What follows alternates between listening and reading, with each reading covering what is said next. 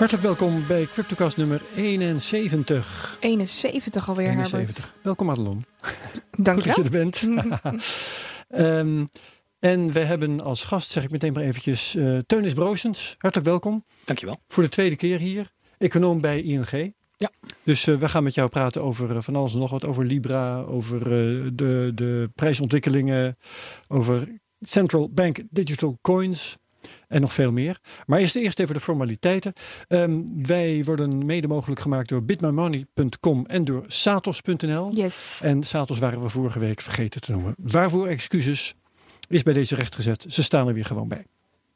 Goed, we verstrekken geen beleggingsadvies. Ook als we dat lijken wel te doen. Nee, hè? dat doen we absoluut niet. Wat hier ook gezegd wordt, het is persoonlijke mening en uh, het constateren van feiten en zo. Maar wij geven geen adviezen. Dus zeg nooit dat wij het aangeraden hebben.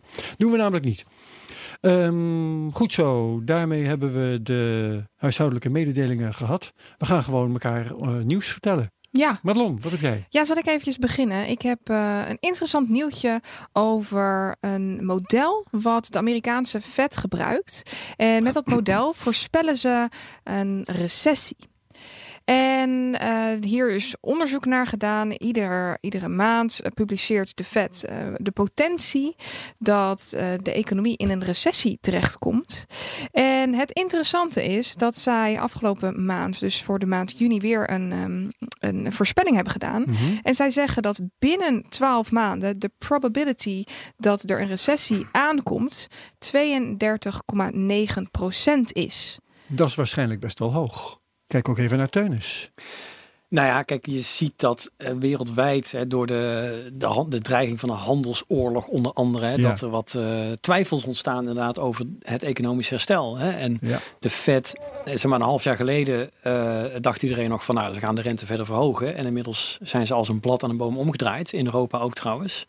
Hè, en gaan we naar verdere renteverlagingen. Dus, ja, dus, ja, ja, ja. ja, het sentiment is wel wat gekelderd. Ja, absoluut. Ja, nou, en het, het leuke is dat de prijs van bitcoin hier op het moment dat dit naar buiten kwam enorm reageerde. En de koers die schoot van 1200, van 12.000, sorry, 12.600 naar 13.200 binnen de eerste 10 minuten dat dit nieuws naar buiten kwam. Dus dat zo. is wel heel interessant dat hier, ik weet niet of er een bepaalde correlatie achter zit, maar als het zo is, is het toch best wel interessant dat dit, uh, dat dit plaatsvindt. Maar het feit dat er dus uh, in ieder geval in Amerika een, uh, een recessie aanstaande is, of een grote kans is dat er een recessie aankomt, dat baart mij wel behoorlijk zorgen. Ja, ja, en overigens, dat soort geluiden klinken al heel lang. Hè? Ja. Uh, al was het alleen maar, dat was wat ik al eigenlijk een jaar of langer geleden al hoorde. Het is wel weer eens tijd voor een recessie.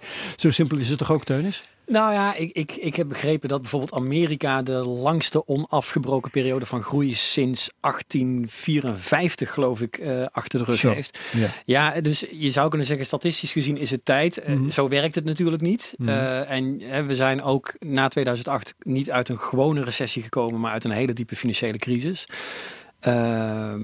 maar ja, het, het duurt er wel lang. En, en met de dreiging van een handelsoorlog ligt er wel wat klaar wat voor een recessie ja. zou kunnen zorgen. Ja, ja nee, zeker. Um, nog meer aan toe te voegen aan het bericht? Nee, over dat, de, een... dat is het. Oké, okay, Teunis, wat is jouw nieuws? Nou, het viel mij wel op dat uh, kennelijk afgelopen paar weken wanneer we weer nieuwe records aan het vestigen zijn uh, wat betreft de, de moeilijkheid van het minen van bitcoin. En die ja. wordt natuurlijk uh, iedere twee weken, geloof ik, hè, wordt die opnieuw vastgesteld door het algoritme. De difficulty. Mm -hmm. De mining difficulty. En we, zijn nu, we staan nu weer hoger dan ooit. Hè, dus eigenlijk qua prijzen nog niet, maar qua difficulty, mining difficulty ja. zijn we opnieuw En wat hoger. zegt dat? Uh, ja, dat zegt dat er dus blijkbaar toch weer uh, meer miners uh, aanwezig zijn en een apparatuur aan het aanschakelen zijn. Hè. Ik heb verklaringen gehoord dat het regenseizoen in China is begonnen. En dat het regenseizoen? Dus, dat heb ik gehoord. Hè. En ja, dat, dus nee, inderdaad dat, dus, dat trek ik niet in twijfel. Maar nee, wat heeft nee. dat met bitcoin te nou, maken? Dat, wat het, het heeft ermee te maken dat er dus goedkope waterkracht beschikbaar is. En dat miners oh. dus goedkoop hun apparatuur aan kunnen schakelen. Dus daar, ja. daar zou het dan mee te maken hebben. Ja. Uh, wat je ook ziet is natuurlijk dat het energieverbruik daardoor dan weer uh, oploopt. En, um... en dit zorgt er natuurlijk voor dat het Bitcoin-protocol eigenlijk een stukje veiliger wordt.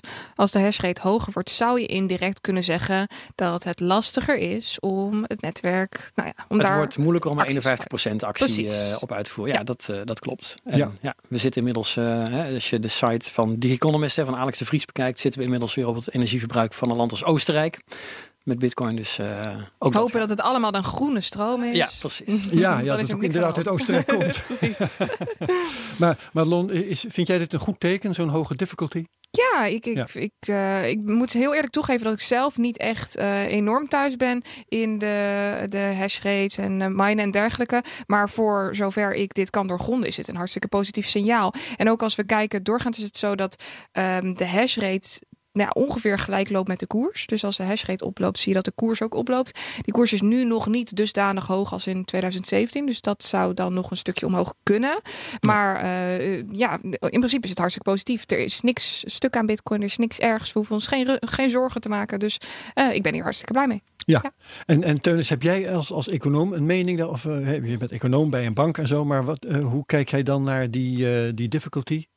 Stel je alleen maar vast van, oh, dat is dan zo uh, leuk, record. Nou ja, kijk, los van het energieverbruik eh, geeft het wel aan inderdaad dat er in ieder geval vanuit miners weer uh, uh, meer belangstelling is. Hè? Dus dat inderdaad hè, na die grote prijsval van, van eind 2018, dat er toch weer een aantal miners zijn die weer meer vertrouwen hebben. En dat heeft natuurlijk inderdaad te maken met die prijs. En ik denk, er, er is een wisselwerking. Mm -hmm. Die prijs gaat omhoog en dus wordt het voor meer miners ook weer interessant. Hè, dat de, de mogelijke opbrengsten van minen ook weer meer opwegen tegen de kosten van, het, uh, van de elektriciteit. Maar die miners kijken natuurlijk ook vooruit. En we weten ook dat er volgend jaar een halving aan zit te komen. Dus dat ja. dan de beloning wordt gehalveerd. En dan ook in absolute bedragen wat het op gaat leveren. Dus die, die, die miners zouden wel iets van een toekomstperspectief moeten hebben. Dus dat zou juist nog positiever zijn. Ja, het, het ligt er een beetje aan natuurlijk. Stel dat je als miner verwachtingen al... bedoel je? Ja, ja, precies, hè, het ligt er natuurlijk een beetje aan als je al apparatuur hebt liggen en je had je afgeschakeld omdat de stroomkosten hè, niet meer rendabel waren en nu wel. En wat jij zegt is natuurlijk ook waar. En dat, dat beïnvloedt ook waarschijnlijk de investeringsbeslissingen. Van ga, Mhm. ga ik nu uh, Ja. een, een nieuwe miner kopen? Begrijp ook daar dat daar wat, wat supply uh, issues zijn. Dat er uh, wat, wat tekorten zijn.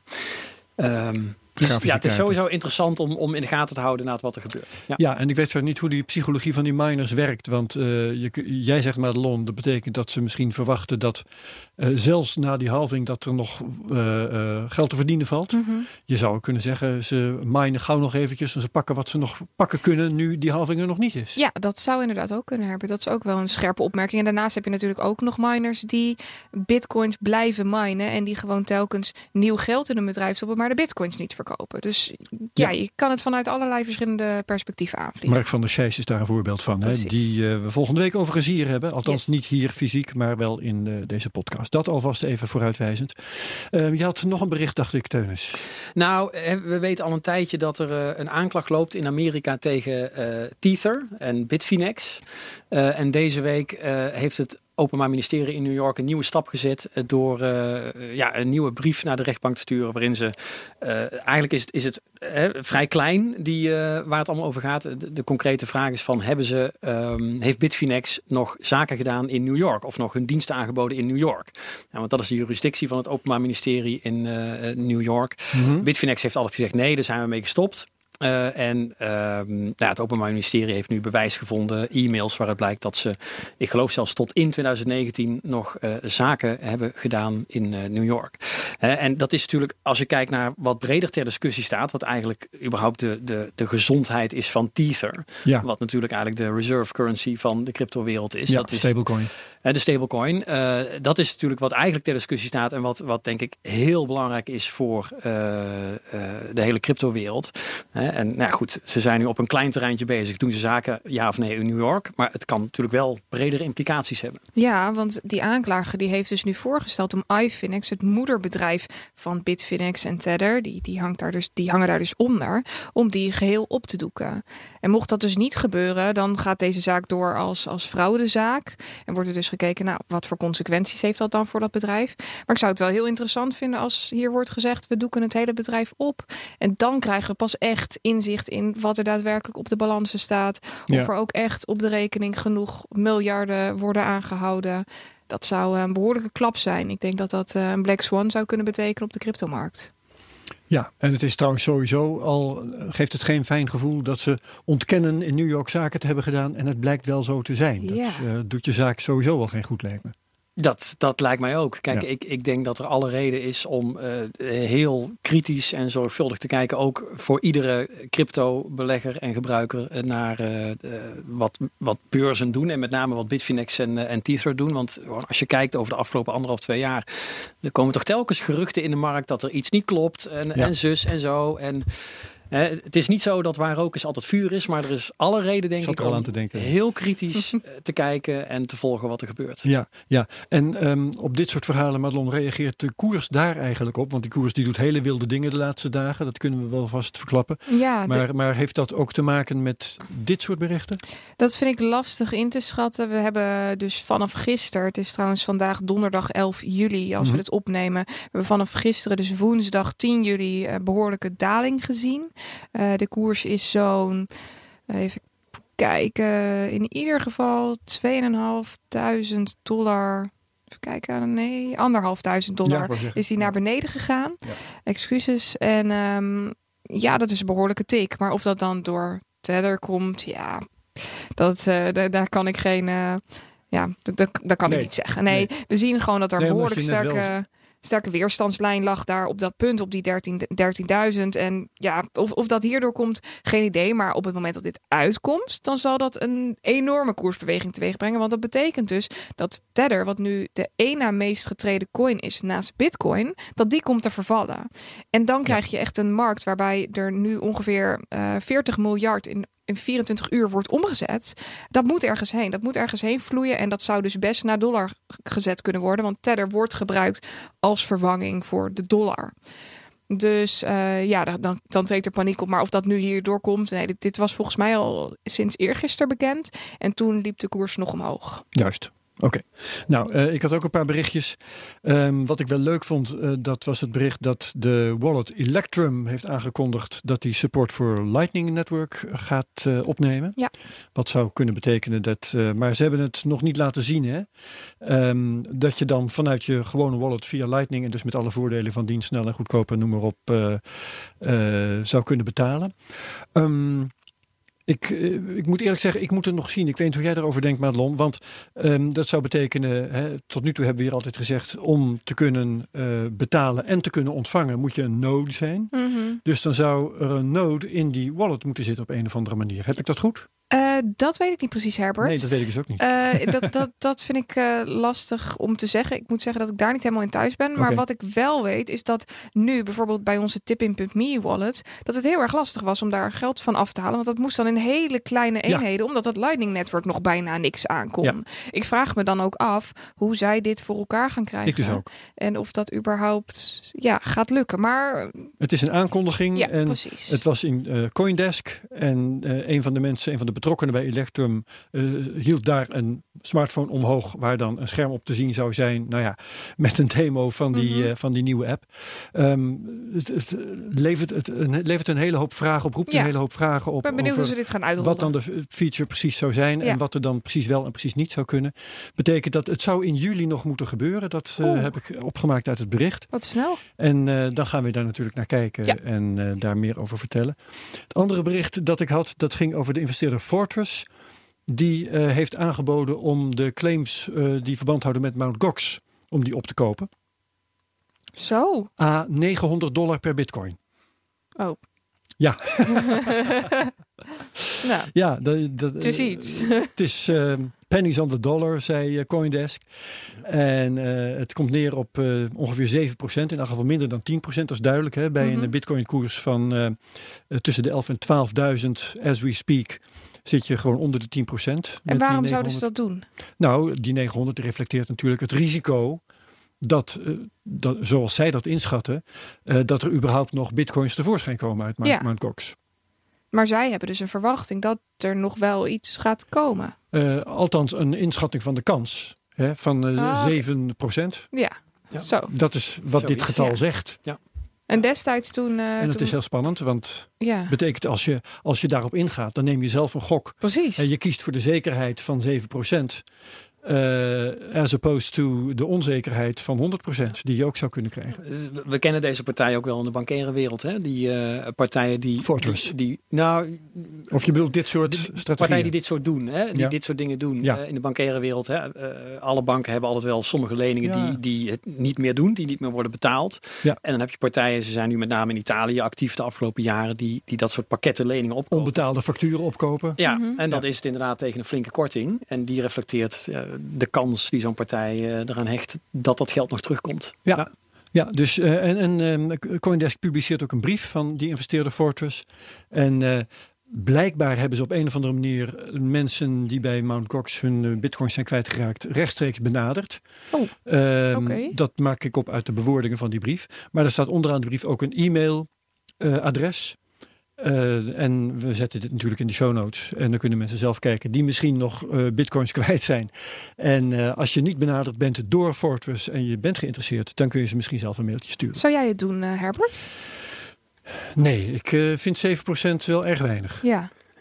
Dan uh, zou ik persoonlijk liever gokken op de volle map. Maar ja, dat is uh, mijn persoonlijke gevoel. Hm. Ik zit niet uh, als, als betrokkenen bij Mt. Gox, dus ik heb makkelijk praten. -hmm. Als ik echt in die positie was en ik wachtte al, hoeveel is het intussen, vijf jaar op mijn geld. Dan zou ik misschien daar toch anders over denken. Dat weet ik niet. Ik weet niet hoe je je voelt als je echt aanzienlijke bedragen daar kwijt bent geraakt. En je ja. ziet nu de kans om daar wat van terug te zien.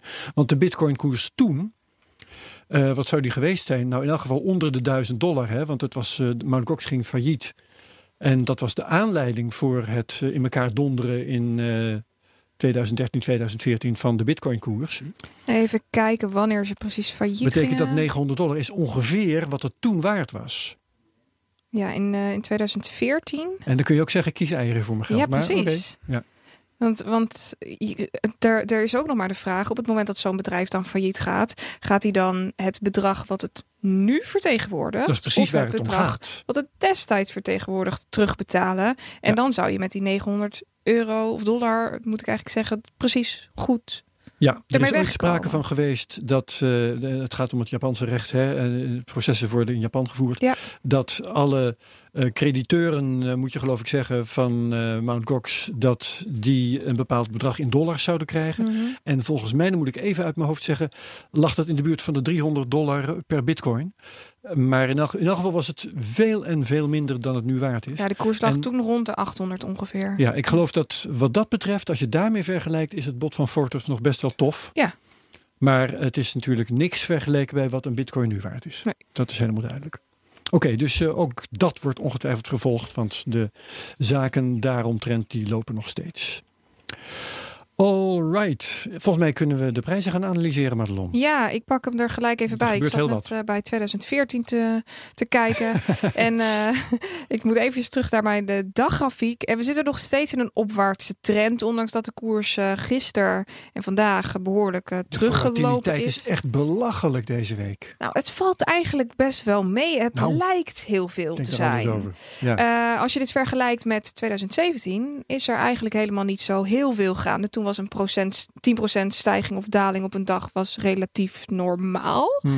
Eh, dan heb je het wel over een, over een rally natuurlijk. Maar als ik kijk naar maar dat hoe was groot. ook een hele tu- turbulente tijd. Ja, dat was een hele turbulente tijd. Als ik kijk naar hoe groot de candles zijn in vergelijking met 2017, zijn ze niet fors veel groter. Alleen de bedragen waar we nu om spreken ten opzichte van de bedragen van een maand, twee maanden, drie maanden geleden, zijn natuurlijk absoluut een stuk groter. Ja. We spreken nu over 2000 dollar schommeling in een week. En toen was de waarde 3000. Dus Precies. Ja, dus dan lijkt het ineens heel fors. Maar Ja. op zich is het allemaal nog binnen proportie. We hebben dus een, eh, een behoorlijke daling gehad van, ik zei het net, 1500 dollar in anderhalve dag tijd ongeveer. En ehm, nou, er is eigenlijk geen man overboord. We hebben een eh, driehoekpatroon gevormd. Die heeft precies zijn koersdoel geraakt. En dat driehoekpatroon, dat zorgt ervoor dat bij een opwaartse uitbraak of bij een neerwaartse uitbraak er een koersdoel berekend kan worden.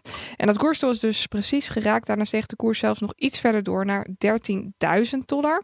En daar maakten we een dubbele top. Want de vorige koers, de vorige eh, body van de candle, dus het, het blokje wat groen is Mhm. op de grafiek, die topte rond de 13.000 dollar, ietsje erboven, 13.300. En dan kun je dus nu stellen dat we een dubbele top hebben gehad. En dat is kenmerkend op een grafiek. Een dubbele top die zorgt ervoor voordat er daarna een neerwaartse beweging plaatsvindt. Nou, die hebben we dus gezien gisteren en, uh, en vandaag ook. En um, eigenlijk helemaal niks om je enorm veel zorgen over te maken. Het enige wat we nu wel zien is dat de grafiek, dus de koers, dat die wat terugloopt en dat het volume wat oploopt. En wat ik dan zou zeggen is dat er een divergentie plaatsvindt, dus dat er snel weer een trendomkeer moet plaatsvinden. En dat zou, mijn inziens, vandaag of morgen kunnen zijn. We hebben nu precies steun, dus de koers die leunt nu op het lijntje waar we eerst weerstand hadden. Dus waar de koers eerst niet overheen kon komen. 11.000 ongeveer. Ja, dus daar hebben we nu precies uh, steun op. Dus ik verwacht dat hier ook weer het omslagpunt komt. En dat we hierna gewoon weer rustig aan terug, uh, terug omhoog kunnen. Um, waar we wel even op moeten letten is dat er dus een belangrijke steunlijn rond die 11.000 ligt. En daaronder hebben we nog een steunlijn liggen rond de 10.600, die hadden we vorige week ook al. Dat is een belangrijke om in de gaten te houden. En aan de bovenkant ligt dus die 13.000 dollar. We hebben nu geen belangrijk patroon. Het ziet er gewoon prima uit op dit moment. Dus er is geen man overboord, ondanks dat die koers behoorlijk um, in proportie dan naar beneden is gegaan. Ja, oké. Ik uh, las nog een uitspraak van een of andere Bitcoin-goeroe, ik weet niet meer wie het was hoor. Maar de, de tekst was ongeveer: als we de 14.000 passeren, dan is de weg naar 20 helemaal vrij. Ja, dat was eigenlijk hetzelfde wat ik, uh, wat ik zei toen we rond de, nou wat was het, 4000 of rond de 6000 zaten. Dat ik toen zei van nou 10.000, daar kunnen we zo in één keer naartoe. Het klopt. Boven de 4000 hebben we eigenlijk niet meer uh, heel veel weerstand. En dan ga je behoorlijke, behoorlijke rally tegemoet. 14, ja. Ja, ja klopt. Ja. Oké, okay, dankjewel. Dat was hem. Gaan we microcachen. Pak ik mijn scherm er eventjes bij. Dat is uh, ietsje verder weg. Ja. Um, ik moet nog eventjes uh, een, uh, even re recapituleren. Ja. Want ik heb nu twee weken gemicrocached. Mm -hmm. Ik weet niet, Teunis, ken jij het fenomeen? Nee. Oké. Okay. ik heb, um, dan kan ik meteen ook even de luisteraars bijpraten die misschien even weg zijn geweest. ik heb vorige week, vorig jaar heb ik vier, opnieuw beginnen. Um, ik ben vorig jaar begonnen met elke week 100 dollar in te leggen in bitcoin. Dus uh, dollar cost average. En uiteindelijk had ik na 50 weken uh, 5000 dollar uh, geïnvesteerd. Na 50 weken had ik 5000 dollar ja. geïnvesteerd. En dat leverde uiteindelijk 0,92 bitcoin op. Toen heb ik besloten, toen de koersen voldoende gestegen waren, nu ga ik cashen. En om dat ook een beetje educatief te maken, microcashen, elke week incasseer ik 1%. En vorige week zei hij, ik pak niet 0,92 bitcoin, maar 1 bitcoin. Daar wil ik het over gaan hebben. Ik heb het dus genormeerd. Ik had 0,92, vind ik lastig rekenen. Het is mm -hmm. veel mooier om het te volgen als je zegt van, nou weet je wat, we doen gewoon alsof het 1 bitcoin was. Um, maar ik heb één ding vergeten. Dan moet ik ook vergelijken met een inleg die op die manier wordt aangepast. Ja. Dus uh, ik heb, moet nu behalve de, uh, het resultaat, moet ik ook de inleg delen door 0,92. Mm -hmm. Dus vanaf nu doen we alsof ik een inleg heb gehad van, um, ik heb dat uh, ook even in de berekeningen gezet. Dat moet zijn, da, da, da, waar is hij nou toch weer gebleven? Iets meer dan 5000. Ja, 5431. Precies. Ja, 5431. Dus uh, dan heb ik, ik heb dus de eerste week heb ik 118 dollar geïncasseerd. Mm -hmm. De tweede week heb ik um, 117 dollar ge geïncasseerd. Ja. Want de bitcoin koers was een heel klein beetje gedaald. Dus 1% van het totale proportie wat je toen nog over had? Elke week incasseer ik 1% van wat er nog over is. Mm -hmm. Dat is heel belangrijk. Dus nu incasseer ik weer 1% van wat er nog over is. Wat is er over? De bitcoin koers is op dit moment 11.511. Ja. Um, is dus weer iets gedaald. Mm -hmm. Dat is jammer. Maar oké, okay, uh, we blijven consequent. We gaan gewoon keihard door. Um, dus ik incasseer 1% van uh, 11.511. En dat is dus gewoon uh, 115 dollar. Ja, en uiteindelijk kom ik dan uit op een bitcoin die ik nog over heb van 0,970299. Hè, mm -hmm. procenten van, uh, ik incasseer nu 1% van 0,98. En hoeveel geld vertegenwoordigt dat? En dat vertegenwoordigt dan nu nog een bedrag van 11.169 dollar. Oké, okay. en hoeveel heb je dan nu gecashed in totaal? En dan heb ik in totaal 348 dollar gecashed. En dat is 6,41% van de oorspronkelijke inleg van 5431. Hmm. Dat is heel grappig, want als je dus kijkt, ik heb nog geen 3% gecashed ja. in bitcoins.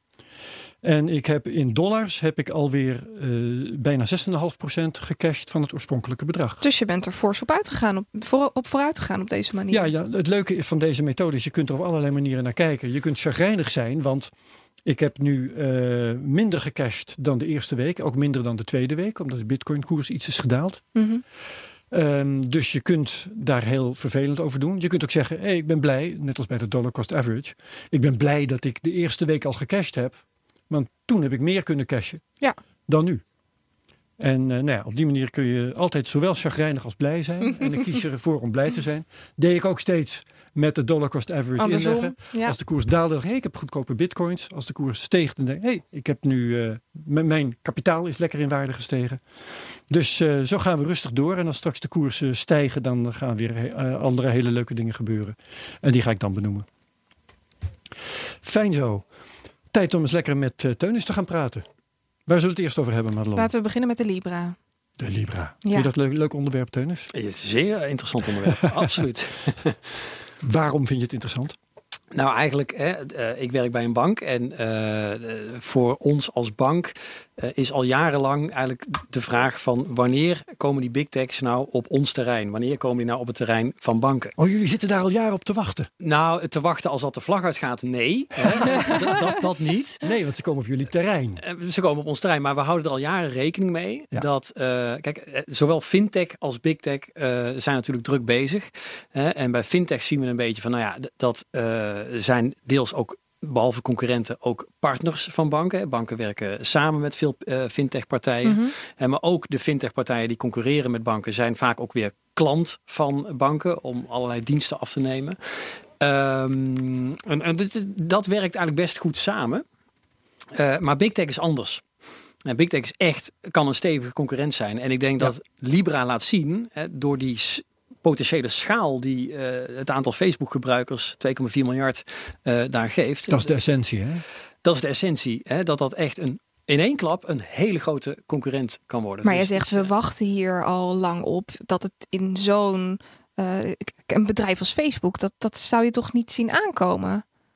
Nou, kijk, je weet dat die, dat die big techs, en dat geldt dus ook voor Facebook, uh, hè, dat die, ze zijn steeds hun dienstenpakket aan het uitbreiden. Ja. En ze willen steeds meer voor een klant. En eigenlijk wat je ziet bij, uh, bij al die partijen, en dat zie je eigenlijk ook wel, uh, banken willen dat ook graag. iedereen wil graag het platform worden waar de klant op terecht kan voor eigenlijk al zijn dienstverlening. Ja. Ja. En dit is natuurlijk de bekende voorbeelden uit China. Alibaba. Alibaba mm -hmm. en Tencent. Dat zijn eigenlijk eh, vanuit bedrijfsperspectief, vanuit big tech perspectief, een beetje de, hè, die idealen waar iedereen naartoe wil. Ja. Hè, en iedereen werkt eraan. Ja, want Apple en Google bijvoorbeeld uh, en Amazon niet te vergeten, die waren ook al lang bezig met betaalsystemen. Ja, ja, ja maar op een totaal precies, andere ja. manier. Nog niet met een eigen, eigen munt, En het is ook zo dat, dat al die partijen, behalve Apple, maar al die partijen hebben ook al lang uh, elektronisch geldvergunningen, ook in Europa. Hè, dus die mogen bepaalde vormen van financiële dienstverlening uh, aanbieden in Europa. Uh, maar het is wel zo inderdaad. Uh, Facebook die nu een eigen munt introduceert die niet één op één gekoppeld is aan de euro of de dollar, maar gewoon een eigen munt. Met meteen de aspiratie van wij willen de nieuwe digitale wereldmunt worden. Uh, ja, dat is nou niet iets wat ik meteen in mijn scenario boekje had staan. Ik wil zeggen, dat hadden jullie, dat hadden jullie niet voorzien. Uh, ik, ik, had dat niet op deze manier uh, zien nee. aankomen. Nee, kijk, het is overigens wel zo dat uh, al geruime tijd voordat ze het echt bekend maakten, een paar weken geleden, dat daar al wel. Tuurlijk. dat het wel werd voorzien. Het laatste half jaar. Het jullie toch ook zijn al. ja, precies. Het laatste half jaar hebben ze natuurlijk. tenminste, ik ga ervan uit dat het allemaal heel strak geregisseerd is vanuit Facebook. Hè, dat er wat links en rechts wat geruchten zijn, zijn verspreid. Mm -hmm. Zoals Apple dat ook altijd zo knap ja. doet. Ja, ja, hè, dus dat de geesten een beetje rijp zijn gemaakt.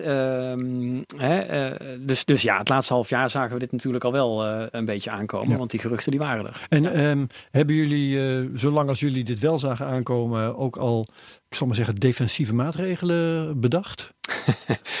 Nee, kijk, het, het punt is, uh, het, het, het, uitgangspunt moet zijn, wat mij betreft, hè, dat uh, voor partijen die dezelfde diensten aanbieden, moeten dezelfde regels gelden. Hè, dus als ja. Facebook inderdaad uh, een, een, iets gaat aanbieden wat lijkt op een bankrekening, op een, op een, en, of, en iets met een betaalpas of met een betaalfunctie, dan moeten gewoon dezelfde regels gelden als die voor ons gelden. Hè, dus ja, dat is eigenlijk waar wij voor staan en wat wij vinden. Uh, en, en ik denk eerlijk gezegd, als je uh, luistert naar wat toezichthouders en beleidsmakers op dit moment zeggen, dat, dat gaat ook heel erg uh, die kant op. Ja. De uitdaging is wel dat ehm, vanwege de schaal die Libra zou kunnen bereiken, maar ook omdat Libra een nieuwe munt is, een nieuwe wereldmunt, dat, er, dat roept allerlei nieuwe vragen op, ook vanuit regulering en toezicht, waar niet meteen een antwoord op is. Ja bijvoorbeeld al de hele basale vraag: wat is een Libra eigenlijk? Vanuit een, hè, vanuit een, een uh, even vanuit een reguleringsperspectief. Is het geld vanuit, bijvoorbeeld? is het Ja, geld? Of is het een security? Of is het een Er security? zit natuurlijk een bepaalde backing of- achter. En het zijn verschillende currencies. En Precies, hè? want dus, ja, ik ik ben geen jurist, maar mijn, mijn, in mijn eerste gedachte was, nou, dit is geld en dit is eh, hè, wat dan in de, de juridische terminologie heet elektronisch geld. Wat Ja. ergens gek is, want eigenlijk is al ons geld elektronisch tegenwoordig. Maar goed, Mhm. hè, eh, in juridische termen elektronisch geld. Maar ja, inderdaad, de volgende gedachte is inderdaad van, ja, maar wacht even. Dit is een mandje van ook gewoon staatsobligaties, veilige obligaties, die onder die Libra liggen.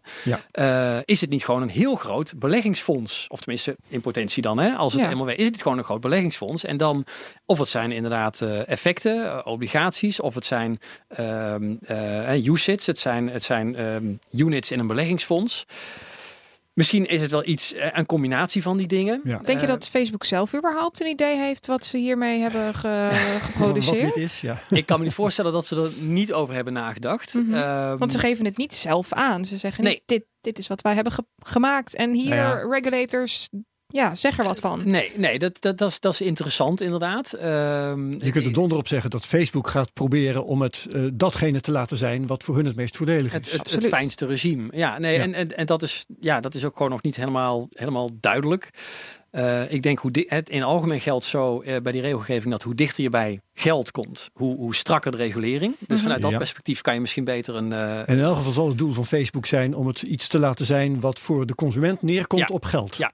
Maar en absoluut. En eh, het punt is wel in de huidige regulering dat je eh, je kunt bijvoorbeeld met een elektronisch geldvergunning, eh, wat dan niet echt geld is, maar kun je iets aanbieden wat vanuit gebruikersperspectief als twee druppels water op een eh, op een bankrekening lijkt. Zij hebben toch een vergunning wat iets in die Ze trant hebben een elektronisch is? geldvergunning. Ja. Die hebben ze al sinds 2016 uit Ja. mijn hoofd in Ierland. Maar dat kunnen ze in heel Europa eh, kunnen ze op, op die vergunning kunnen ze diensten aanbieden. Mhm. En om een voorbeeld te geven, je hebt eh, al een paar jaar hebben we eh, fintechs in Europa, Revolut, N26. Nou, overigens in beide gevallen, dat zijn inmiddels banken. Maar eh, Mhm. dat waren in het begin waren dat elektronisch geldinstellingen. En maar als je hun apps eh, bekeek, ik ben daar zelf ook gewoon klant geworden, toch eens om te kijken wat, Ja. wat natuurlijk wat, hoe gaat het bij die bij onze concurrenten. Ja. Ehm, hè, dan, dan zie je vanuit klantperspectief is dat werkt dat gewoon net als een bankrekening. Je krijgt netjes een pasje en het werkt allemaal prima en je, nou, En dat, want, dat is misschien een belangrijk onderscheid.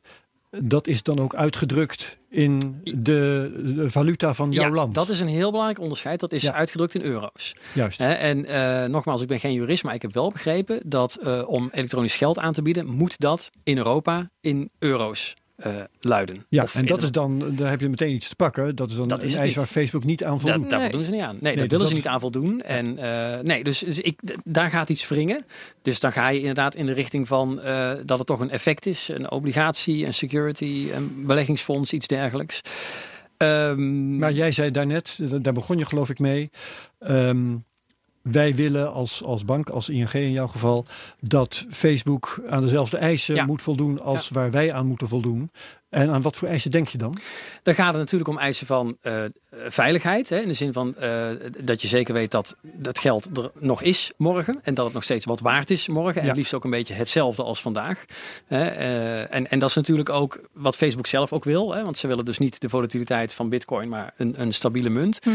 Ehm, maar je wil ook bijvoorbeeld eh, qua witwassen eh, en, en, en ken uw klant, hè, waar banken aan, aan Ja. eh, hoge eisen moeten voldoen. En terecht overigens. Eh, maar dat kost ook heel veel werk. Dat, eh, Precies. dat En zijn dan hele hoge dat zij het makkelijker hebben dan jullie. Nee, dat is gewoon, moeten ze gewoon aan dezelfde eisen voldoen. Ja. Eh, en ja, daar, ik denk dat daar wel aan gewerkt wordt. Ik vermoed dat toezichthouders daar niet anders in zitten als ik dan hoe ik het nu zeg. Ja. En nog even terug naar die backing. Er zijn dus 28 partijen die strakjes allemaal 10 miljoen in gaan leggen. Ja. Ehm, Facebook die, of Libra die zegt zelf, die geeft zelf aan van nou, wij stoppen dit in low risk assets. Ja. En die low risk assets zijn onder andere uh, government bonds. Ja, oh, staatsobligaties. Hoe kijk jij daarna als econoom? Nou, kijk, ik denk dat daar ook een, een, een heel belangrijk uh, aspect aan zit waar centrale banken ook denk ik erg van zijn wakker geschrokken. Want Mhm. stel je nou voor dat Libra heel succesvol wordt. En dat Ja. betekent inderdaad heel veel mensen gaan inleggen. Dat betekent dat die Libra Association, eh, die, die entiteit die in Zwitserland zit, eh, die moet dus heel veel veilige obligaties gaan kopen. Dus staatsobligaties eh, waarschijnlijk voornamelijk. Mhm. Als je dat in Europese context bekijkt, nou ja, staatsobligaties zijn nog niet echt iets wat het nog heel erg veel beschikbaar is. Want we hebben al een partij die ze redelijk heeft opgestofzuigerd de afgelopen jaren. Hè? De Europese Centrale Bank. De Europese Yes. Centrale. Bank, inderdaad. Hè, ehm, en stel nou dat Libra daarbij komt, dan gaat hij dus een, een geweldige impact hebben op die markt eh, in potentie. Eh, nou, ja, we, Oh ja, is het zo geweldig? Want twee, eh, 28 keer 10 miljoen, dat is niet zoveel. Nee, nee, nee, maar kijk, het gaat erom dat eh, voor eh, iedere gebruiker die een Libra koopt, dan wordt voor die Libra wordt het mandje eh, aan Activa Ja. eh, bijgekocht. Dus het gaat niet over, ja. Die, over die miljoenen inleg, maar het gaat gewoon dus over er wordt iedere Libra. inderdaad, naarmate eh, het gebruik toeneemt, moet er meer Ja, ingekocht Moet er worden. meer ingekocht worden. ja, precies.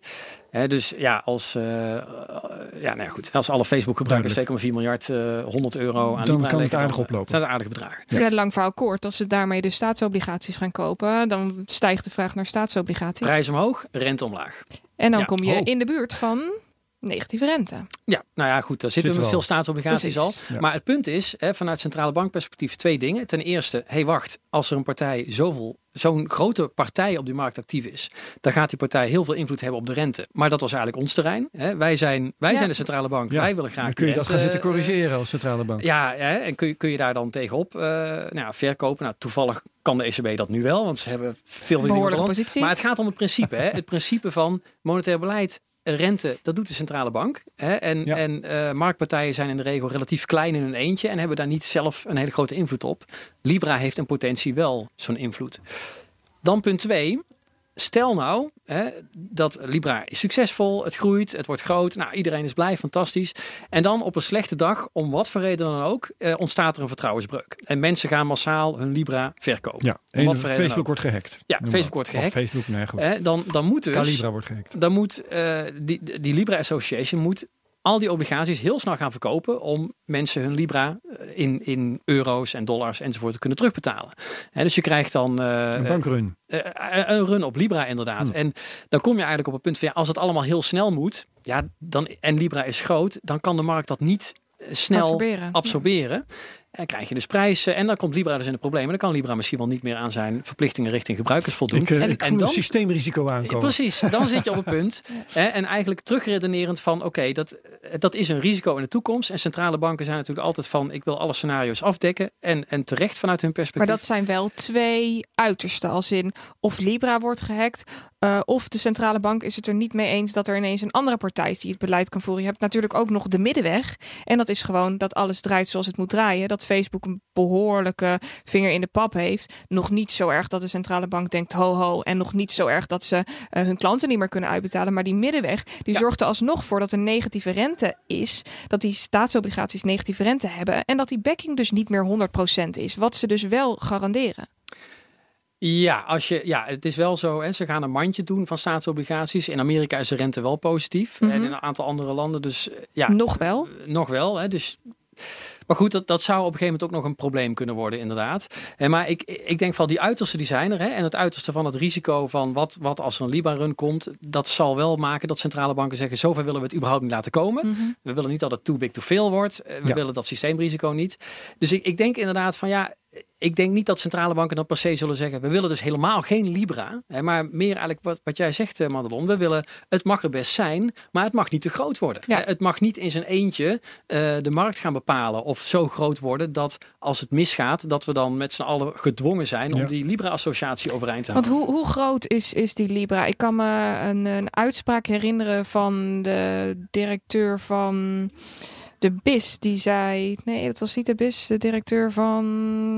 Mark Carney, Bank of England wellicht, die heeft er ook wel. Eh, nou, ik kan hem zo 1, 2, 3 niet vinden, maar er is een partij geweest en die zei... uh, strakjes wordt de Libra too big to fail.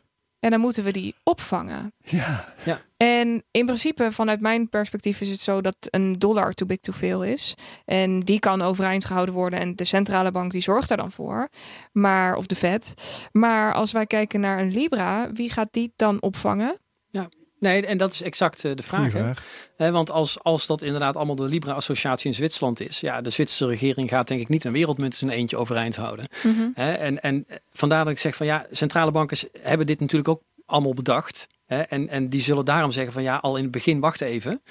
We willen het überhaupt niet zo ver laten komen. Dat zo'n Libra in zijn eentje too big to fail kan zijn. En ik, ik, ik denk echt, en dat vind ik ook zelf echt wel van, uh, geld is uiteindelijk uiteindelijk een publieke zaak. En in het bestaande systeem zijn er private eh, partijen die daar eh, in de uitvoering zitten, maar allemaal sterk gereguleerd. Mhm. Onder andere vanuit dit uitgangspunt. Het moet wel allemaal controleerbaar blijven. En uiteindelijk, want uiteindelijk zijn het overheden en centrale banken die het systeem uh, draaiende houden en overeind houden. Maar wat hebben de centrale banken dan voor middelen? Want ehm, Facebook slash uh, Calibra um, is een uh, wereldwijd opererende organisatie. Ja. Dus uh, de Amerikaanse, de Federal Reserve, die zal hier een belang hebben. De Europese centrale banken, tot en met de Turkse centrale bank ja. en de Venezolaanse centrale ja. bank. En die zullen dan op een of andere manier moeten samenwerken. En als ze, dat, als ze daar niet in slagen, dan loopt Facebook lachend met de buit weg.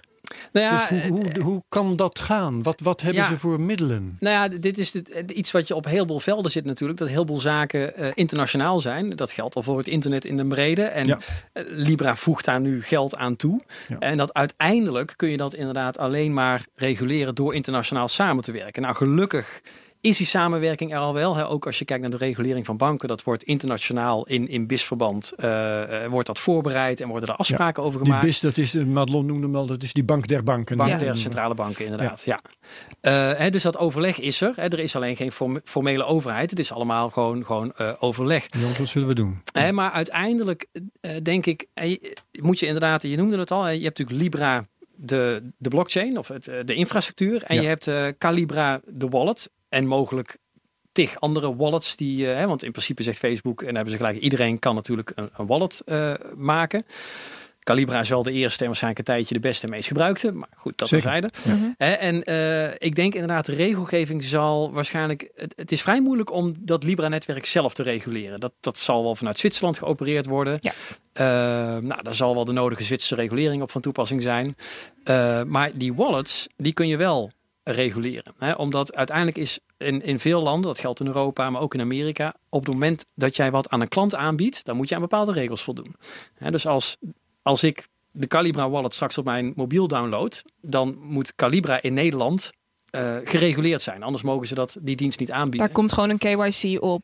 Daar komt de ken uw klant op. En Ja. uh, daar komen waarschijnlijk... Ja, het is even de vraag wat voor... Uh, hè, of dat een elektronisch geldvergunning wordt of, of een andere vergunning. Maar da, dat is de plek, denk ik, in eerste instantie... waar toezicht kan aangrijpen. Uh, en uh, ja, eisen kan stellen. Maar ja... Wat mij heel erg opvalt is dat uh, banken de afgelopen jaren echt heel erg terughoudend geweest zijn. Met alles wat met cryptocurrencies te maken hadden. Om, om de angst, althans vanuit mijn perspectief gezien, de angst dat een Nederlandse bank bijvoorbeeld zou kunnen zeggen, of het AFM zou kunnen zeggen: jongens, stop hiermee. Dit is niet gereguleerd. Jullie zitten in grijs gebied. Dit kan niet. Um, en nu een Facebook die hiermee begint, die dit gewoon de wereld ingooit. Kan een Facebook dit gewoon zomaar doen zonder dat ze hier toestemming voor hebben? Is dit, is dit überhaupt legaal? Want ze opereren in principe vanuit Zwitserland. Uh, de VS heeft daar niks, geen vinger in de pap. Die kan met, ja, die heeft geen stok om mee te slaan, om het zo maar te zeggen. Uh, hoe, hoe zie jij dat voor je?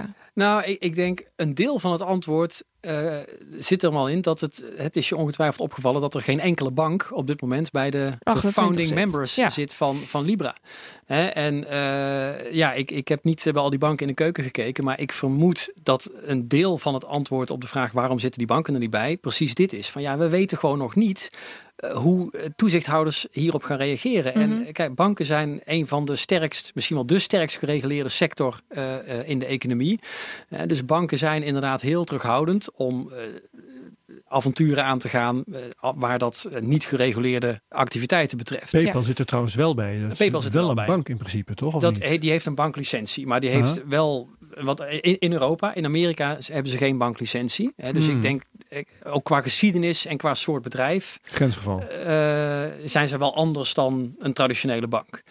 Ehm, hè, die traditionele banken, ja, die zijn hier heel terughoudend in. Ik denk mede omdat inderdaad, ja, laten we eerst eens even kijken wat de toezichthouder hiervan, eh, hiervan vindt. Ja, en elke toezichthouder kan in zijn eigen jurisdictie eh, maatregelen nemen waar het gaat om die wallets bijvoorbeeld. Ja, Dat is wat jij zegt. dat, dat ga, daar ga ik vanuit. Dus ja. in ieder Ja. land zal dit strakjes op een andere manier gereguleerd kunnen worden, goedgekeurd, afgekeurd. Ja, Eh, kijk, het is wel zo. In Europa hebben we dat allemaal geharmoniseerd. Hè? Ja. Dus, dus in Europa eh, zal Facebook of Calibra in één land een licentie aanvragen. En Mhm. kunnen ze dan Europa breed een dienst aanbieden. Maar in Amerika is het anders. In China, nou, overal. India. Ja, India gaan ze niet eh, aan de slag voorlopig, Mhm. zag ik inderdaad. Omdat daar mag het dus niet. Ehm, Maar jij ja. zei net, ze mogen op zichzelf is er niet zoveel tegen dat Facebook iets gaat doen op dit gebied, maar het mag niet te groot worden. Ehm, als je dat ze- denk ik dat toezichthouders dat eh, de Ja, insteek is. ja, ja, ja.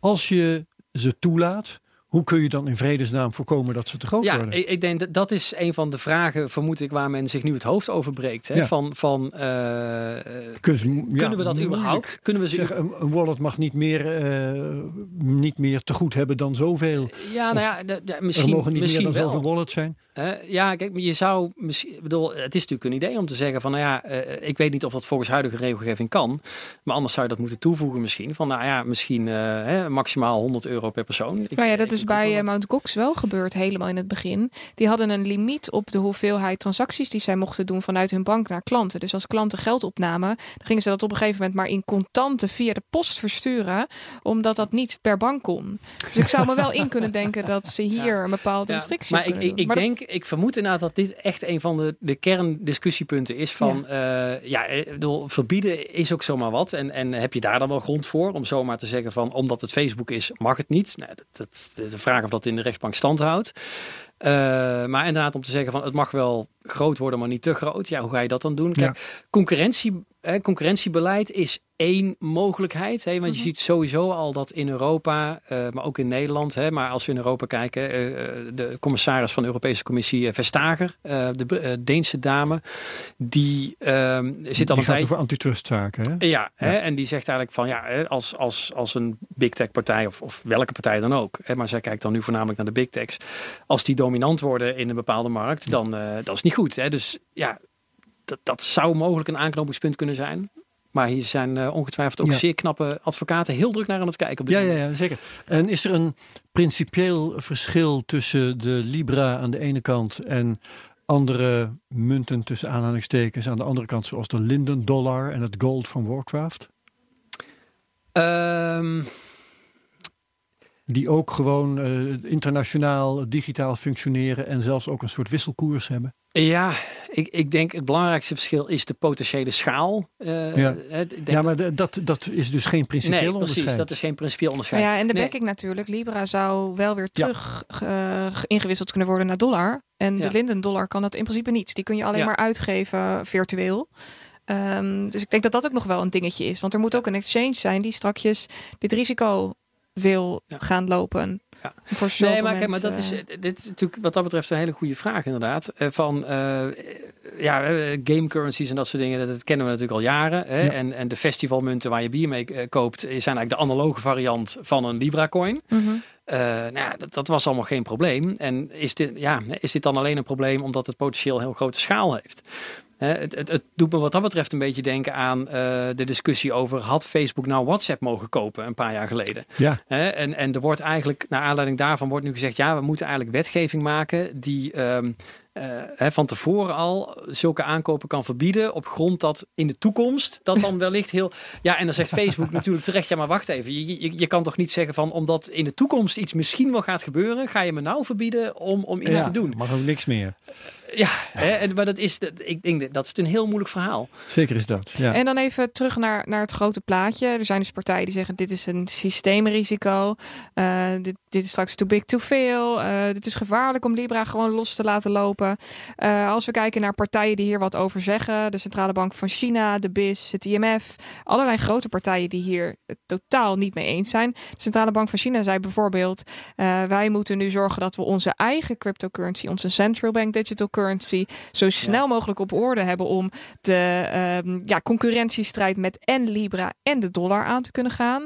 Ik zie dat, er, uh, dat de BIS ineens binnen twee maanden totaal 180 graden is gedraaid. Wat ik vorige week al aangaf in hun mening over hoe zij kijken naar, uh, dit, dit, ja, naar, naar, naar überhaupt central bank digital currencies. Mm -hmm. um, hoe zie jij dat nu? De currencies uitgegeven door een centrale bank? Nou, het, het, grappige is inderdaad dat uh, hè, dat debat over central bank digital currencies, dat loopt al een paar jaar. Hè. Dat was ja. eigenlijk oorspronkelijk door de, door de komst van bitcoin eigenlijk mm -hmm. aangezwengeld. Toen dacht de centrale bank al, ja maar wacht even, hè, als, als moeten wij niet ook uh, zoiets gaan doen? En dat was zowel gedreven door de technologie, interesse in de technologie, als in het idee, ja maar wacht even, als iedereen in bitcoin gaat, waar zijn wij dan? Ja. Uh, en maar dat is eigenlijk dat is eigenlijk jarenlang een beetje een, een academisch uh, debat gebleven. Hè? Dan ja. uh, werden er conferenties georganiseerd en dan werd daar mooi gefilosofeerd over. Uh, nou, dat is natuurlijk ook allemaal voor monetaire economen, wat ik zelf ook ben overigens, is dat geweldig interessant om erover na, na te, te denken. denken. en, hè, en dan kun je oeverloos heel lang over praten. Maar nu, met de komst van Libra, is het plotseling... Gaat het mee zeggen Nu is het voor het echi. Hè? Nu, is het, uh, nu is het serieus. Hè? En, en, en dat maakt wel dat die discussie anders is. Hè? Je zag, een jaar geleden heeft de BIS een rapport uitgebracht over... Nou, wat zijn centrale banken allemaal aan het doen met digital currencies. Nou, je ziet in Zweden zijn ze wat aan het experimenteren geweest. Nou, de Bank of England, de Bank of Canada, Singapore... zijn er allemaal wel een beetje... Ja, Estland geloof ik. Ja, allemaal een beetje naar aan het kijken. Um, maar nu zie je inderdaad, ja, komt dat in een stroomversnelling. Ja, absoluut. En, en hoe, hoe kijken jullie daarna van, vanuit bankair perspectief gezien? Nou, kijk, ik, ik, ik denk. Um, kijk, central bank digital currency, hè, digitaal geld. Je kunt je afvragen, ja, maar ons geld is toch al lang digitaal? Mm. Hè, what's ja. new? Hè, en, uh, programmeerbaarheid bijvoorbeeld. Het is programmeerbaarheid is nieuw. Uh, kijk, ik, ik denk wel. Um, maar merken wij daar als eindgebruiker nou dan ja, precies. Van? Dat is een beetje het punt. Kijk, in Nederland misschien niet eens zo heel veel. In Nederland zijn we uh, eigenlijk vrij verwend met een goed werkend betalingssysteem. Mm -hmm. we kunnen makkelijk en, en goedkoop, eigenlijk voor niks, gewoon in de winkel pinnen. Je kunt op internet betalen. apps van de banken die, die van ons is natuurlijk het mooiste, maar van alle banken het werkt allemaal prima.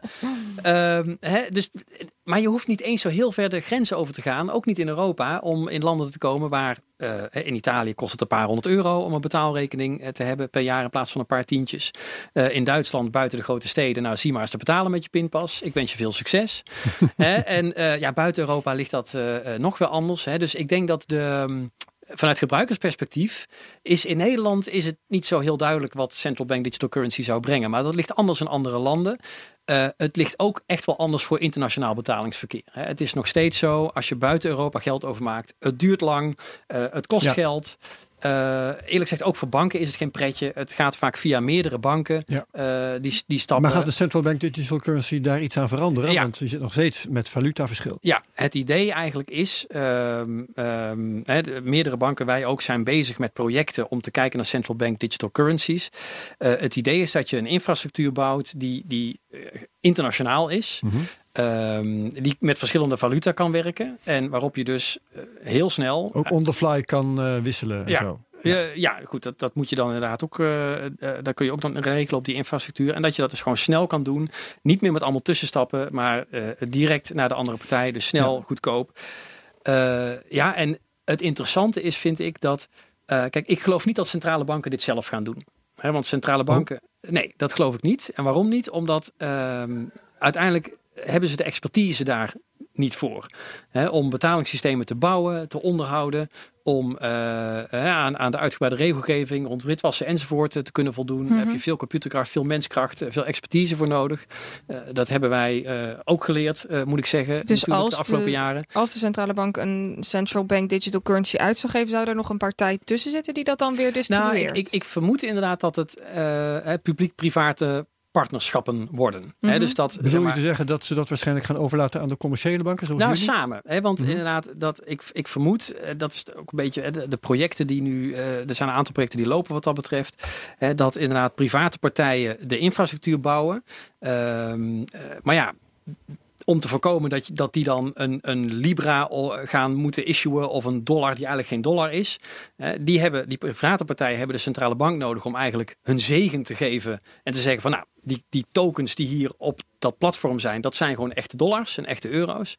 En de centrale bank die is blij, want die hoeft niet zelf al die investeringen eh, te doen en al die mensen aan te trekken om dat platform echt te bouwen. Dus ik, ik zie echt, ik denk dat wordt, dat wordt een samenwerking. En op zich, dat klinkt misschien heel, heel revolutionair, maar eigenlijk het bestaande monetair systeem is natuurlijk ook zo. We hebben een centrale partij die eh, de boel in de gaten houdt en die de rente zet, maar verder het, het hele betalingsverkeer is, is privaat. Dus op zich zou je kunnen zeggen, is het eigenlijk gewoon een voortzetting van de publiek-private samenwerking die er toch al is. Hebben. Ja. Ja. En wat, wat ik hier uh, voorbij zie komen op Twitter, ik kijk ondertussen of we bijna alle vragen van Twitter wel beantwoord hebben. Hier vraagt de donor, staat het DNB uh, het momenteel Even kijken hoor, dus het staat hier niet helemaal goed. Maar wat, wat de concrete vraag is, is of de DNB het nu momenteel um, voor jullie niet mogelijk maakt om met cryptocurrencies te werken. Of zij dat dan op dit moment nog tegenhouden? Nou, het, is, het is niet per se een vraag van, van tegenhouden vanuit uh, toezicht. Het is meer dat de toezichthouder zegt van uh, beste bank, hè, als jij een bepaalde transactie doet of als jij een bepaalde klant hebt, dan heb jij de verantwoordelijkheid dat uh, als bank dat, dat er aan alle regels voldaan wordt en dat mm -hmm. de boel kosher is en nou, integer en dat er geen geld wordt witgewassen enzovoort. Op het moment dat wij een klant hebben die zelf gewoon gereguleerd is, of die een bedrijf wat niet in de financiële sector zit, dan heb je al die financiële regelgeving heb je er geen last van.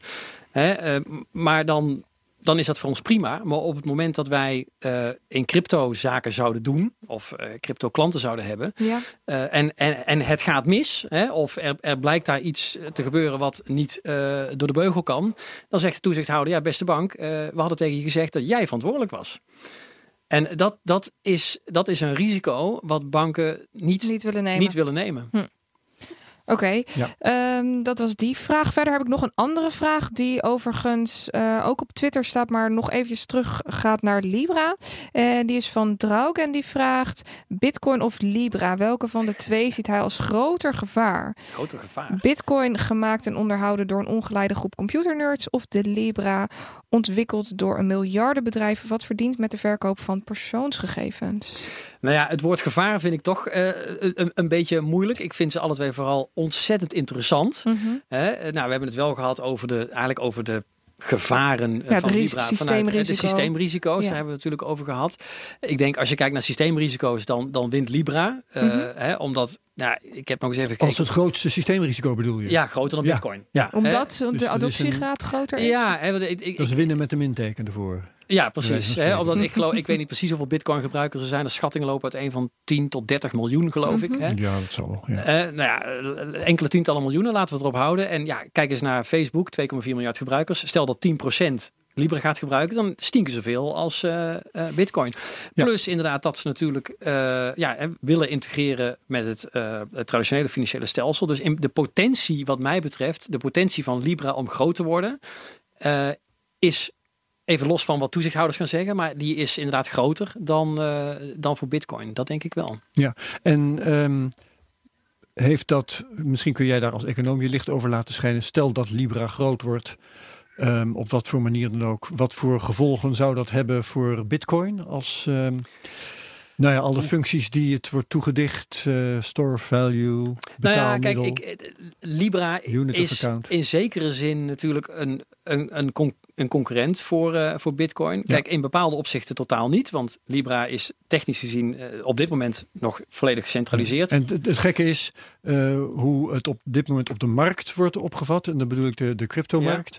Ja. lijkt het alsof iedereen vindt dat de Bitcoin en Libra dezelfde belangen hebben. Want toen de Libra werd, werd aangekondigd, toen sprong de koers omhoog.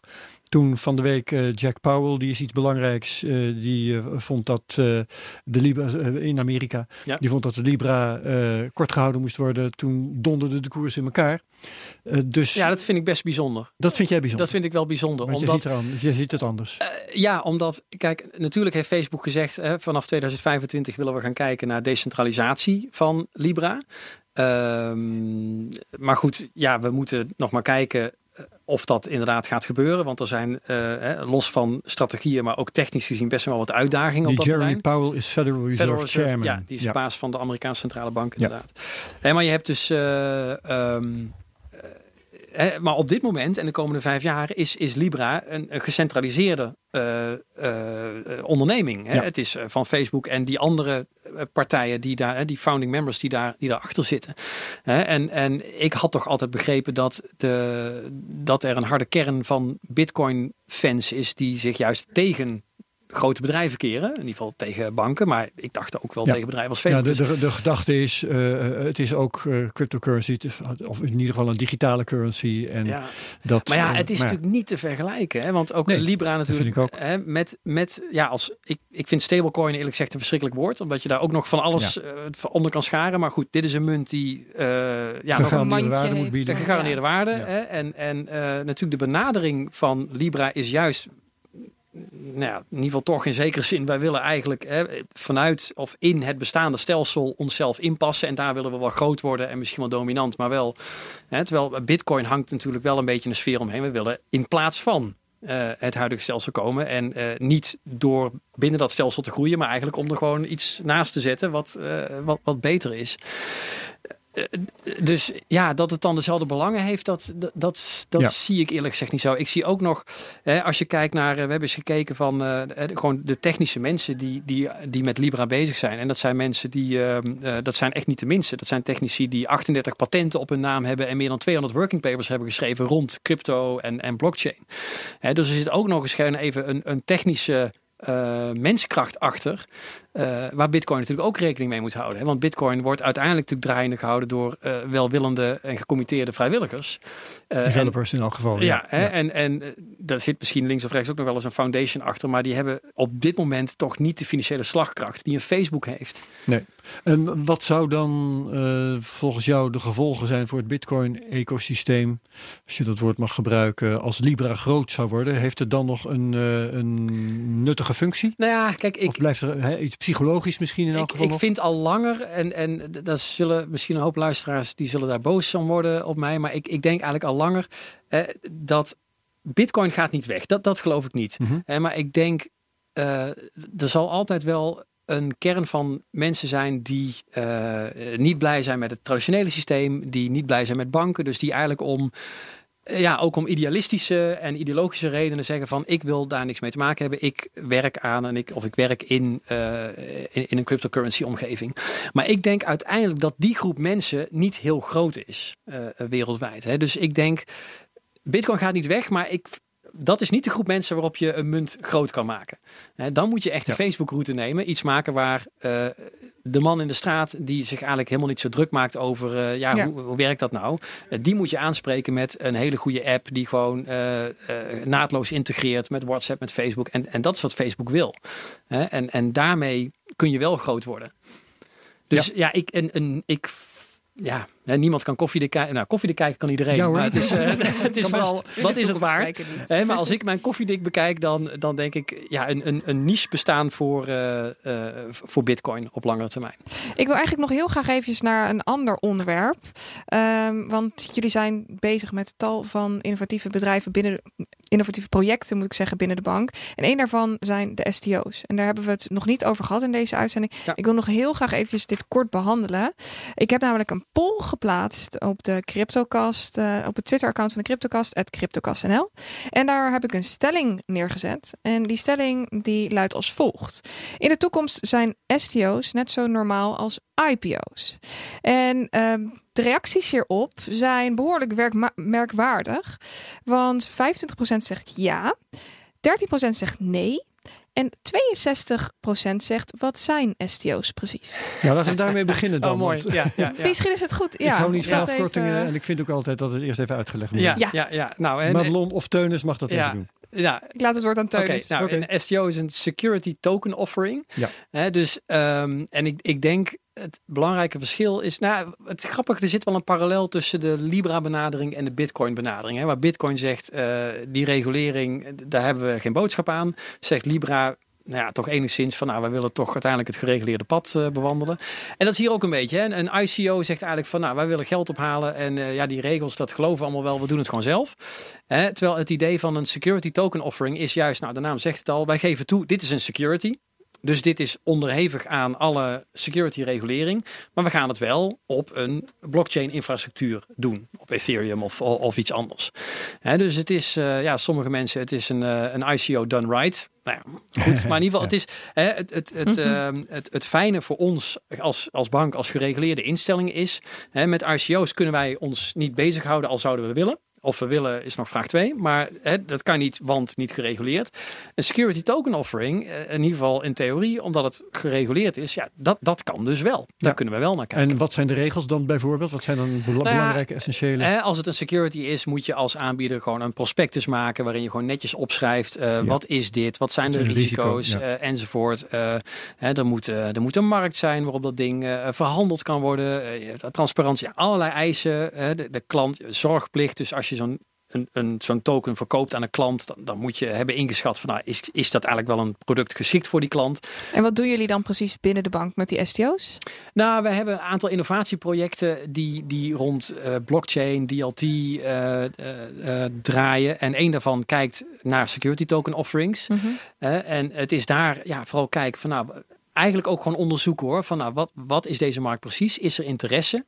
Uh, we kijken daar op dit moment vooral ook naar uh, de institutionele kant. Uh, wat is de interesse vanuit institutionele beleggers? Waar, welke rol zou een bank kunnen spelen hè, in het aanbieden van die dingen, in het maken van een platform waar ze verhandeld kunnen worden? Is dat dan nog puur de aftastende situatie? Of zijn jullie echt al concreet bezig met testen en dergelijke? Ja, ik ga daar niet al te veel over zeggen. de concurrentie luistert mee. Maar ja, we, we zijn er druk mee bezig. Ja. En, en dat, dat heeft facetten van, van alles wat je zegt eigenlijk. Okay. Dan even naar die poll. Uh, hoeveel procent had, vroeg, vroeg ook weer, wat is STO eigenlijk? 62 procent. 62 dus best wel veel, Herbert. Ja, ja, ja, ja. nou dat is nu uitgelegd. Ja. Uh, die overige mm, 38 procent, hoe was die verdeeld? Ja, 13 procent die verwacht dat het niet um, vergelijkbaar zal worden met een uh, IPO. En 25 procent zegt van wel. Dus het over, ja, het deel en van, van ja nee. de meerderheid Precies. van de mensen die weten wat het is. Ja, die, die ja. zegt dus dat het wel de toekomst heeft. Wat denk jij daar? Daarvan, Teunis? Nou, ik denk wat het interessante aspect, hè, wat, wat wordt gezegd bij STO's. Um, hè, want aan de ene kant vanuit regelgeving bekeken, ik, voor een econoom praat ik ontzettend veel over regels, merk ik uh, vandaag. Maar goed, It's alright. vanuit, vanuit regelgeving bekijken kun je zeggen van ja, maar wacht even, we hebben toch al beleggingsfondsen. Dus wat is, wat is het voordeel uh, wat een STO ja. kan bieden? En het voordeel is hè, tokenization, hè, dat, dat mooie buzzword. Maar eigenlijk wat eigenlijk makkelijke uitwisselbaarheid. ja, en wat eigenlijk betekent dat je gewoon iedere, iedere ja, wat is mooi in dat woord? Ieder, iedere asset, ieder activa, dus iedere ding wat je, ja. wat je kan bezitten, kun je in ik weet niet hoeveel stukjes opdelen. Uh, en, en, uh, iedere eenheid. Dus, ja, ja. Hè, dus de belofte is een beetje van ook dingen die nu misschien zeker vanuit uh, voor, voor, voor consumenten, voor huishoudens, uh, moeilijk te bereiken zijn om in te beleggen, dat je die dingen ook toegankelijk kan maken. Want je kunt ze in kleine stukjes hakken um, uh, en dan kun je dat makkelijk doen. Nou ja, op zich kun je zeggen van nou, maar dat kan al met de beleggingsfondsen. Hè, want een beleggingsfonds Precies. kan zo'n ding kopen en dan gewoon allemaal kleine aandeeltjes uh, aanbieden. Maar natuurlijk de belofte voor de langere termijn is dat zo'n STO dan ook gedecentraliseerd is. Dus eigenlijk dat die fondsmanager ertussenuit gaat. Hè, en dat je dus meer rechtstreeks uh, ja, ja, met z'n allen. Democratisering. Ja. Makkelijk aanbieden aan het grote publiek. Dat is uiteindelijk, ja. uh, uh, dat is uiteindelijk het idee. En dat, dat, dat is nog ver weg. Hè, want, want die regelgeving, een, volgens de huidige regelgeving, moet die fondsmanager er nog zijn. decentraal mm -hmm. past niet goed in de huidige regelgeving. maar ik denk dat de route die je met STO's een beetje kan bewandelen, is van nou, we beginnen dat het allemaal past in de huidige regelgeving. Uh, technisch uh, proberen we dat allemaal verder te ontwikkelen. En ondertussen uh, hè, proberen we toch in gesprek met regulators ook die regelgeving een stap verder te brengen. Zodat er ja, meer mogelijk wordt. Ja, en ja. STO is dus eigenlijk gewoon een, een digitale beursgang op een blockchain. Zo ja. zou je het kunnen zeggen? Ja. En, ja. en als je dan kijkt naar de beurs nu, dus de huidige beurs, ik vind het vreemd. Mensen van mijn generatie vinden het vreemd dat een beurs om zes uur sluit. Dat je in het weekend niet kan handelen. Um, in de cryptomarkt gaat de markt 24 uur, 24-7 door. Ik kan me voorstellen dat dat met STO's ook de toekomst zou kunnen zijn. Denk je dat um, die, die STO-markt dat dat veel groter gaat worden dan wat wij nu op dit moment kunnen inschatten? Want ik zie, zag bijvoorbeeld toevallig vorige week dat um, de eigenaar van de beurs hier in Amsterdam, mhm. dat die ook uh, kijken naar STO's, dat die hier zelfs een investering in gedaan hebben. Hoe zien jullie dat? Het, ja, het, het poeh. uh, vind ik een lastige vraag. Kijk, um, het zou, het zou best kunnen op termijn hè, dat, dat de, de infrastructuur die onder STO ligt, iets mhm. blockchain-achtigs, dat dat eh, een aantal bestaande uh, beursinfrastructuren gaat vervangen. Ja. Dat, dat, dat, zou, dat zou best kunnen.